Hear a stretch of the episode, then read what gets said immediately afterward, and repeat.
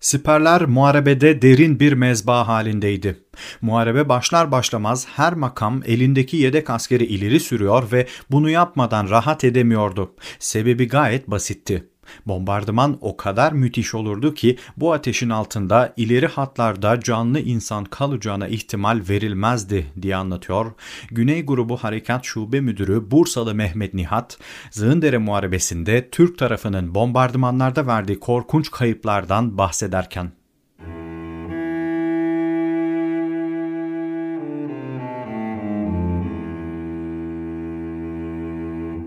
Merhabalar, ben Civan Avcı. Birinci Dünya Savaşı podcast serisinin 53. bölümüne hoş geldiniz. Bu bölümde Türklerle İngilizler arasında geçen Zığındere Muharebesi'nin anlatımına başlayacağım. Çanakkale Kara Muharebelerinde arkadaşlar Zığındere'nin ayrı bir yeri vardır. Bunu isterseniz şöyle açıklayayım. Türk ordusunun Çanakkale'de verdiği toplam şehit sayısı yaygın inanışın aksine 250 bin değil 55 ila 66 bin arasındadır. 8,5 ayda verilen bu yaklaşık 60 bin şehidin 10 bini, evet 10 bini sadece bu bir haftalık Zığındere Muharebesi'nde verilmiştir. 28 Haziran'da başlayıp 5 Temmuz'da son bulan ve belki de birçoğumuzun ilk defa duyacağı bu muharebe özellikle Türk tarafı için acı bir tecrübe olacaktır. Yaşanan vahşetin boyutları Çanakkale normlarının bile çok üstüne çıkmıştır. Şimdi olaylara geçmeden önce projeye destek veren Özgün İçli'ye, Mesut Çiftçi'ye ve Kutlu Kutluyer'e çok teşekkür ediyorum. İyi ki varsınız. Destek çağrılarıma kulak vermiş olmanız benim için çok ama çok kıymetliydi. Evet, Fransızların 21-22 Haziran Kerevizdere harekatının kısmen başarılı olmasının ardından vakit kaybetmek istemeyen Hamilton, İngilizleri de harekete geçirerek planın ikinci aşamasını devreye sokmak istiyor. Hatırlarsanız mahdut hedefli taarruzlar kapsamında cephenin doğusundaki Fransızlar Kerevizdere'ye hakim olduktan sonra cephenin batısındaki İngilizler de Zığındere'ye hakim olacaklardı. Burada amaç normalde ele geçirilemeyen Türk mevzilerini dar cephelerde uygulanan yoğun bombardımanlarla düşürmek ve Türkleri zor durumda bırakarak ileriki bir taarruz için uygun bir zemin hazırlamaktı. Bu hamle Kerevizdere'de işe yaramıştı ve şimdi sıra artık Zığındere'deydi. İngilizler 25 Nisan'da Seddülbahir'e 29. tümenle ayak basmışlar ve muharebeyi bu tek tümenle kazanmak istemişlerdi. Fakat daha ilk günden işler sarpa sarınca bu tümene R&D yani Kraliyet Deniz Piyade Tümeni, daha sonra 29. Hint Tugayı, o da yetmeyince 2. Kirte Muharebesi'nin sonlarına doğru 42. Tümen ve son olaraksa 3. Kirte Muharebesi'nden sonra 52. Tümen katılmış ve İngilizlerin Gelibolu'daki mevcudu dolgun bir kolorduya çıkmıştı. Adına 8. Kolordu denen bu birliğin komutanı Hunter Weston olurken ondan boşalan 29. Tümen komutanlığına General Beauvoir de Lille getiriliyor. Zığındere'de öngörülen taarruz da ekseriyetle 29. Tümen'in mıntıkasında olacağı için bu harekatın detaylı planlaması Tümen komutanına bırakılıyor. General Delil'in planına göre İngilizler yoğun bir bombardımanın ardından Zığındere'nin doğu ve batı yamaçlarından yani iki sırttan ilerleyecek ve bölgedeki Türk siperlerini ele geçireceklerdir. Bu sırtlardaki Türk siperleri uçak keşifleriyle fotoğraflanmış ve daha önce hiç olmadığı kadar detaylı bir şekilde haritalanmıştır. Osmanlı Güney Grubu Komutanı Weber Paşa bu tehlikeye dikkat çekerek bölgedeki birliklere şöyle bir emir göndermiştir. Düşman uçaklarının hiç olmazsa serbestçe dolaşmasına engel olmak için gündüzleri tümeninizden civardaki hakim ve uygun bir iki noktaya en az tam mevcutlu birer takım kuvvetinde iyi nişancılardan kurulu birer kıta koyarak bunlarla uçaklara ateş edilerek 23 Haziran'a kadar elde edilecek sonuç ve deneylerin grup komutanlığına bildirilmesi rica olunur. Bu takımların başlarında birer subay bulunması ve kendilerine uçağa ateş etmek için ekli düşman uçaklarına karşı piyade ateşinin yapılması hakkında talimatının iyice anlatılması ve yanlışlıkla bizim uçaklarımıza ateş etmemelerinin emredilmesi ve anlatılması gereklidir. İngilizlerin ellerindeki haritaların detay seviyesine bakılırsa bu tedbirlerin yetersiz kalmış olduğu görülüyor. Zığındere'nin batısında Gully Spur yani Zığın Sırtı olarak bilinen mevkideki siperler J harfiyle, derenin doğusunda Fir Tree Spur yani Çam Ağacı Sırtı olarak bilinen mevkideki siperlerse H harfiyle kodlanıyor. Zığın sırtındaki siperlerin İngilizlere en yakın olanları J9 ve onun hemen arkasındaki J10 siperleri iken onların da arkalarında birbirlerine yaklaşık 500'er metre arayla kademeli olarak kazılmış J11, J12 ve J13 siperleri bulunuyor. Bunlar cepheye paralel kazılmış siperlerdir ve cepheye dik kazılan J12A ve J13A gibi irtibat siperleri de vardır. Mesela J13A, J12'yi J13'e bağlayan siperdir. Öte yandan Zığındere'nin batısındaki H siper grubundaysa ateş hattında H11, H12 ve H12A siperleri bulunurken bunların gerilerinde yine benzer bir şekilde H13, H14, H15 ve en son Kirte köyü hizasındaki H16 siperleri bulunuyor. Özetle İngilizlerin taarruz istikametlerine göre J siperleri solda, H siperleri sağda bulunurken numaralar arttıkça da Türk bölgesinde derinlere inilmiş oluyor. Zığındere taarruzu için General Delil'in elinde 29. tümenin şu meşhur 3 tugayına yani 86. 87. ve 88. tugaylarına ilaveten Gurkalardan ve Sihlerden müteşekkil Hint tugayı ve de komutanın ricası üzerine emrine verilen İskoçlardan kurulu 52. tümenin 156. tugayı vardır. Plana göre 9'da başlayacak 2 saatlik yoğun bir bombardımanın ardından saat 11'de 87. Tugay Zığın sırtından harekete geçerek J9, J10 ve J11 siperlerini ele geçirecek. Bu siperler alınır alınmaz saat 11.30'da ikinci dalga olarak 86. Tugay harekete geçecek ve ele geçirilen siperlerin üstünden atlayarak J12 ve J13 siperlerine ilerleyecektir. Denize paralel J12A ve J13A siperlerinin alınması ise falezlerden ilerleyecek olan Hint Tugayı'nın görevidir. Sağ kanatta ise yine benzer bir taktikle 156. Tugay çam ağacı sırtından hareket ederek H11, H12 ve H12A siperlerine saldıracak ve 88. Tugay'dan bazı birimler onu takip ederek H13, H14 gibi siperleri ele geçirmeye çalışacaktır. İki sırttan ilerleyecek bu dört İngiliz Tugay'ının tam ortasındaysa Lancashire Fusiliers taburu Zığındere'nin içinden ilerleyerek iki kol arasındaki bağlantıyı sağlayacaktır. Tüm bunlara ek olarak sağ cenahtaki İngiliz siperleriyle Türklerin H-11 siperi arasında kalan ve İngilizlerin kavisli şeklinden ötürü Bumerang adını verdikleri bir Türk tabyası vardır. Sahipsiz bölgenin neredeyse tam ortasında kalan ve Türklerin cesur bir şekilde terk etmeyerek tel örgülerle tahkim ettikleri bu mevzi bugüne kadar İngilizlerin korkulu rüyası olmuştur. Yükseltisinden ötürü Zığındere'nin batı yamacına da yukarıdan baktığı ve buradan ilerleyecek birliklere tehlike oluşturacağı için İngilizler taarruzlarına başlamadan hemen önce bu tabyanın öncelikli olarak yok edilmesini de planlarına son anda eklemişlerdir. Planın titizliği konusunda göze çarpan bir diğer hususta 87. Tugay Komutanı Marshall'ın önerisiyle her bir askere boş konserve kutularından üçgen şeklinde kesilen tenekeler dağıtılmış olmasıdır. Taarruz esnasında askerler güneyden vuracak güneş ışıklarıyla parlayacak olan bu tenekeleri sırtlarına asacaklar ve kendi topçusuna görünür olacaklardır.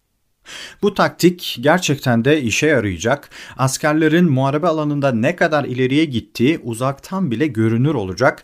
Olayları bir gemiden izleyen Hamilton bile günlüğünde güneşte parlayan askerlerini kastederek sanki birisi yeryüzüne bir avuç dolusu elmas serpmişti diyecektir. İngilizler saldırı için hazırdır. Artık geriye sadece operasyonun can damarı olan o ağır bombardıman için nakliyesi 27 Haziran'da tamamlanması beklenen Fransız toplarının gelmesi kalmıştır. Evet, İtilaf kuvvetlerinin planlarından kapsamlıca bahsettiğimize göre şimdi gelelim Türk tarafına. Aslına bakarsanız gözlem raporlarından ve ordu içi yazışmalarından Türklerin Zığındere'den bir taarruz beklediği anlaşılıyor. Zaten 3. Kirte Muharebesi'nde 42. Tümen'in merkezde yarattığı çıkıntı ve akabinde Fransızların doğuda kazandığı mevziler Zığındere'de de en azından bir cephe düzeltme taarruzu yapılacağının haberini vermiş oluyor. Fakat bu taarruzun ne zaman ve nasıl olacağı tam olarak kestirilemiyor. Türklerin bölgede Albay Refet komutasındaki 8 bin mevcutlu 11. tümeni vardır. Bu durumda her bir İngiliz tugayının yaklaşık 4-5 bin askerden oluştuğunu düşünürsek İngilizlerin Zığındere'de en az 2'ye birlik hatta 3'e birlik bir sayısal üstünlüğünün bulunduğunu söyleyebiliriz. Normalde bu tarz bir üstünlüğün siper muharebesinde pek bir anlamı yoktur. Fakat Çanakkale'de koşullar artık eşit değildir. İtilaf kuvvetleri yarımadaya yerleştikçe yani muharebe karşılıklı olarak birbirini yıpratma safhasına geçtikçe taraflar arasındaki ekonomik güç farkı belirginleşmeye başlıyor. Özellikle Fransızların getirdiği toplar mesela kara kediler ve adına demoiselle yani hanımefendi dedikleri yüksek kalibreli havan topları Türklerin canını fena halde yakarken vızır vızır uçan müttefik uçakları ise herhangi bir tertibatı düşmandan gizlemeyi imkansız hale getiriyor. Bu noktada Türklerin de eğer yeteri kadar uçağı ve topçu cephanesi olsaydı İngilizlerin Zığındere'deki bu birikmesi kolayca fark edilir ve İngilizler daha taarruzlarına bile başlayamadan cehennemi yaşarlardı. Fakat Türk ordusu bu eksikliğini şimdiye kadar verdiği yüksek zayiatlarla kapatmıştır. Çanakkale'de Türk askerini düşman karşısında müşkül duruma düşüren, sözüm ona buğday çorbası ve üzüm hoşafından oluşan menüler değil, elde olmayan modern teçhizatlar ve eksik topçu cephanesi olmuştur. Bu arada Çanakkale'deki gerçek menülerle ilgili iaşe konusunu ele alacağım ayrı bir bölümde yapacağım. Evet Zığındere mıntıkası 11. tümende tutuluyor demiştik. 3 alaylı bu tümenin savunma tertibatında cephenin Türklere göre sağını yani İngilizlerin kodlamasıyla J siperlerini Yarbay Sabri'nin 33. alayı, cephenin solunu yani H siperlerini Yarbay Mustafa Şevki'nin 126. alayı tutmaktadır. 127. alay ise biraz gerilerde ihtiyata alınmıştır. Tümen esasında herhangi bir taarruzu rahatlıkla karşılayabilecek mevcuda sahiptir. Fakat Çanakkale Kara Muharebeleri ile ilgili okuduğum hemen hemen her askeri kaynakta birliklerin genellikle birbirine girmiş vaziyette olduğundan bahsedilir. Yani alaylar, taburlar, bölükler ve hatta takımlar bile karışık haldedir. Bunun sebebi ekseriyetle ani gelişen taarruzlar sonucu o an en yakında bulunan birliğin bölge takviye olarak koşturulması olmuştur. Zaten Çanakkale'deki alayların numaralarıyla bağlı bulundukları tümenlerin numaraları incelendiğinde bu karışıklık bariz bir şekilde görülür.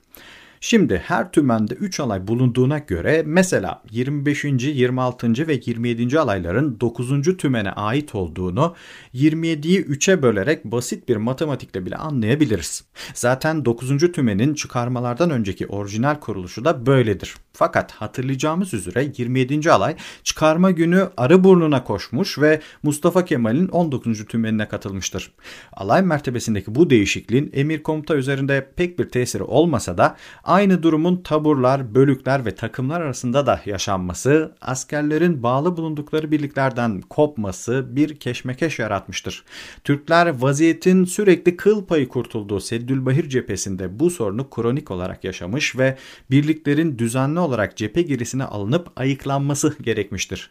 Zaman ve enerji kaybına yol açan bu işlemlerse genellikle bugün Soğanlıdere şehitliğinin bulunduğu cepheden uzak bir mevkide yapılmıştır. Muharebeye gelecek olursak, İngiliz topçusu 25 Haziran'dan itibaren Zığındere sırtlarındaki Türk mevzileri üzerine tanzim yani hedef saptama atışlarına başlıyor ve bombardıman aralıklı olarak 26 ve 27 Haziran günlerinde de devam ediyor. 3 gün süren bombardıman 27 Haziran'ı 28 Haziran'a bağlayan gece saat 2'de daha da şiddetleniyor ve sabah saat 9'da maksimum şiddetine ulaşıyor.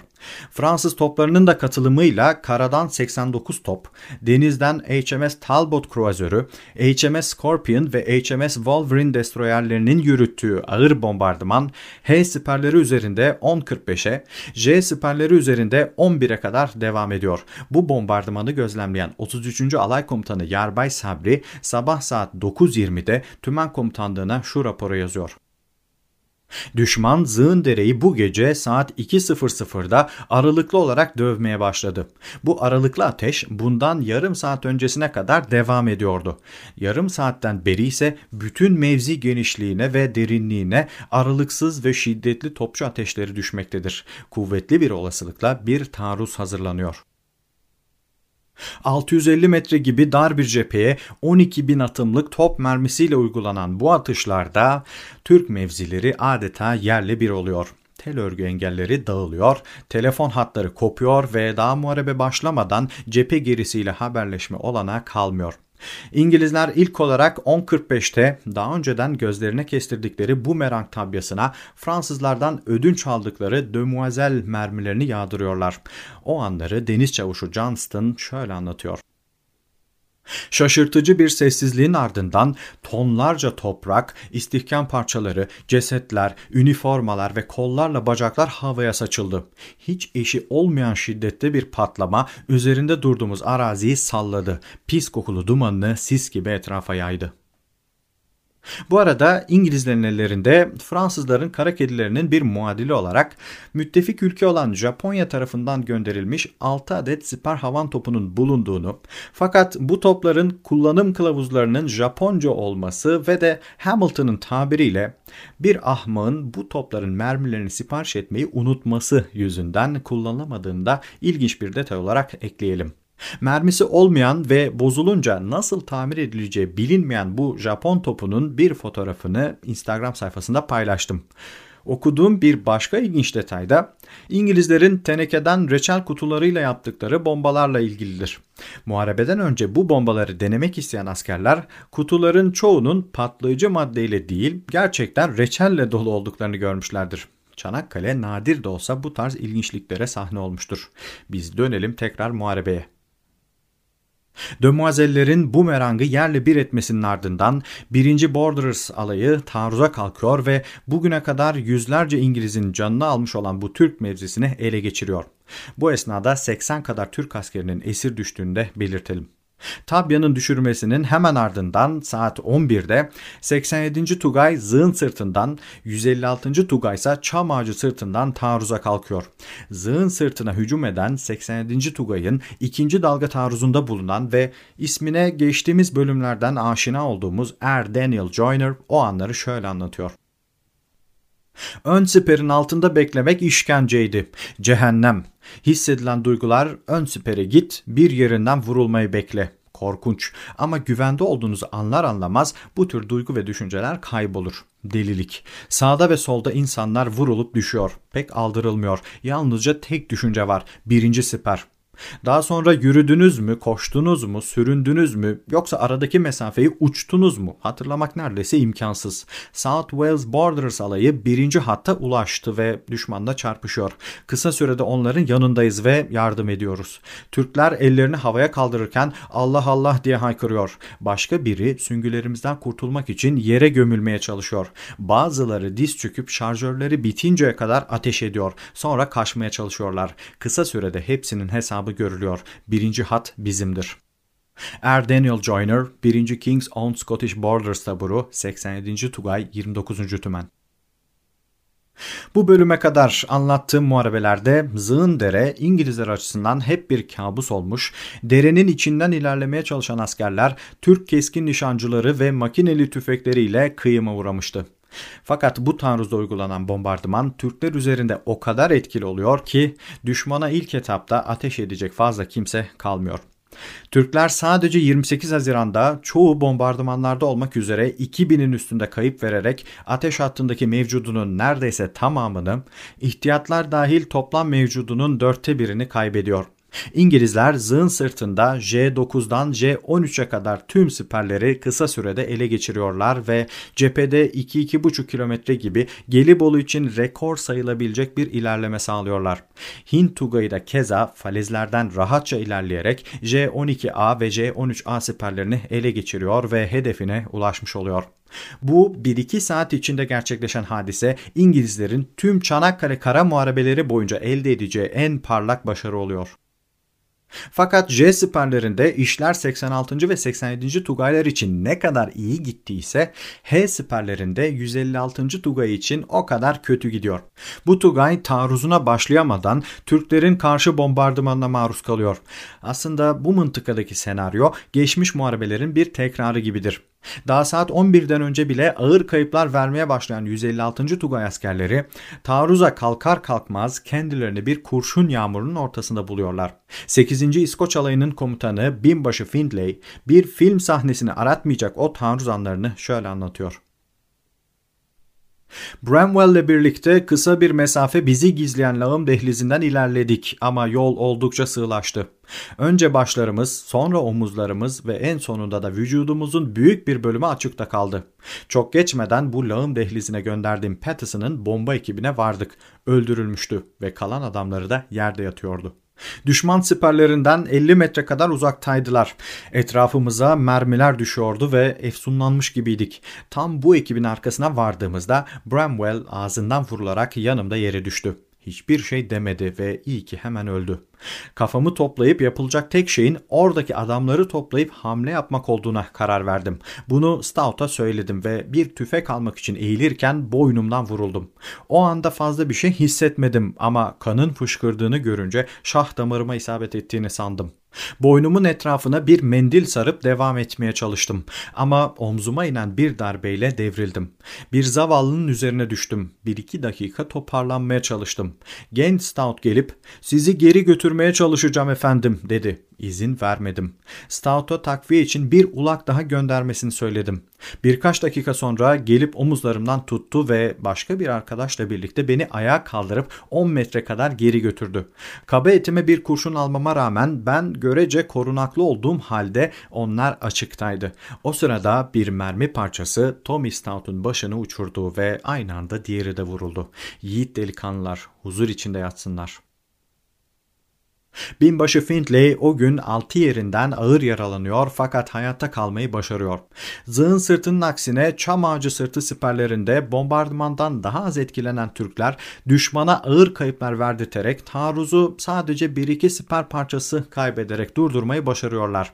İngiliz resmi tarihine göre o kesimdeki Türklerin İngiliz bombardımanındaki kaybı İngilizlerin Türk karşı bombardımanındaki kaybından daha azdır.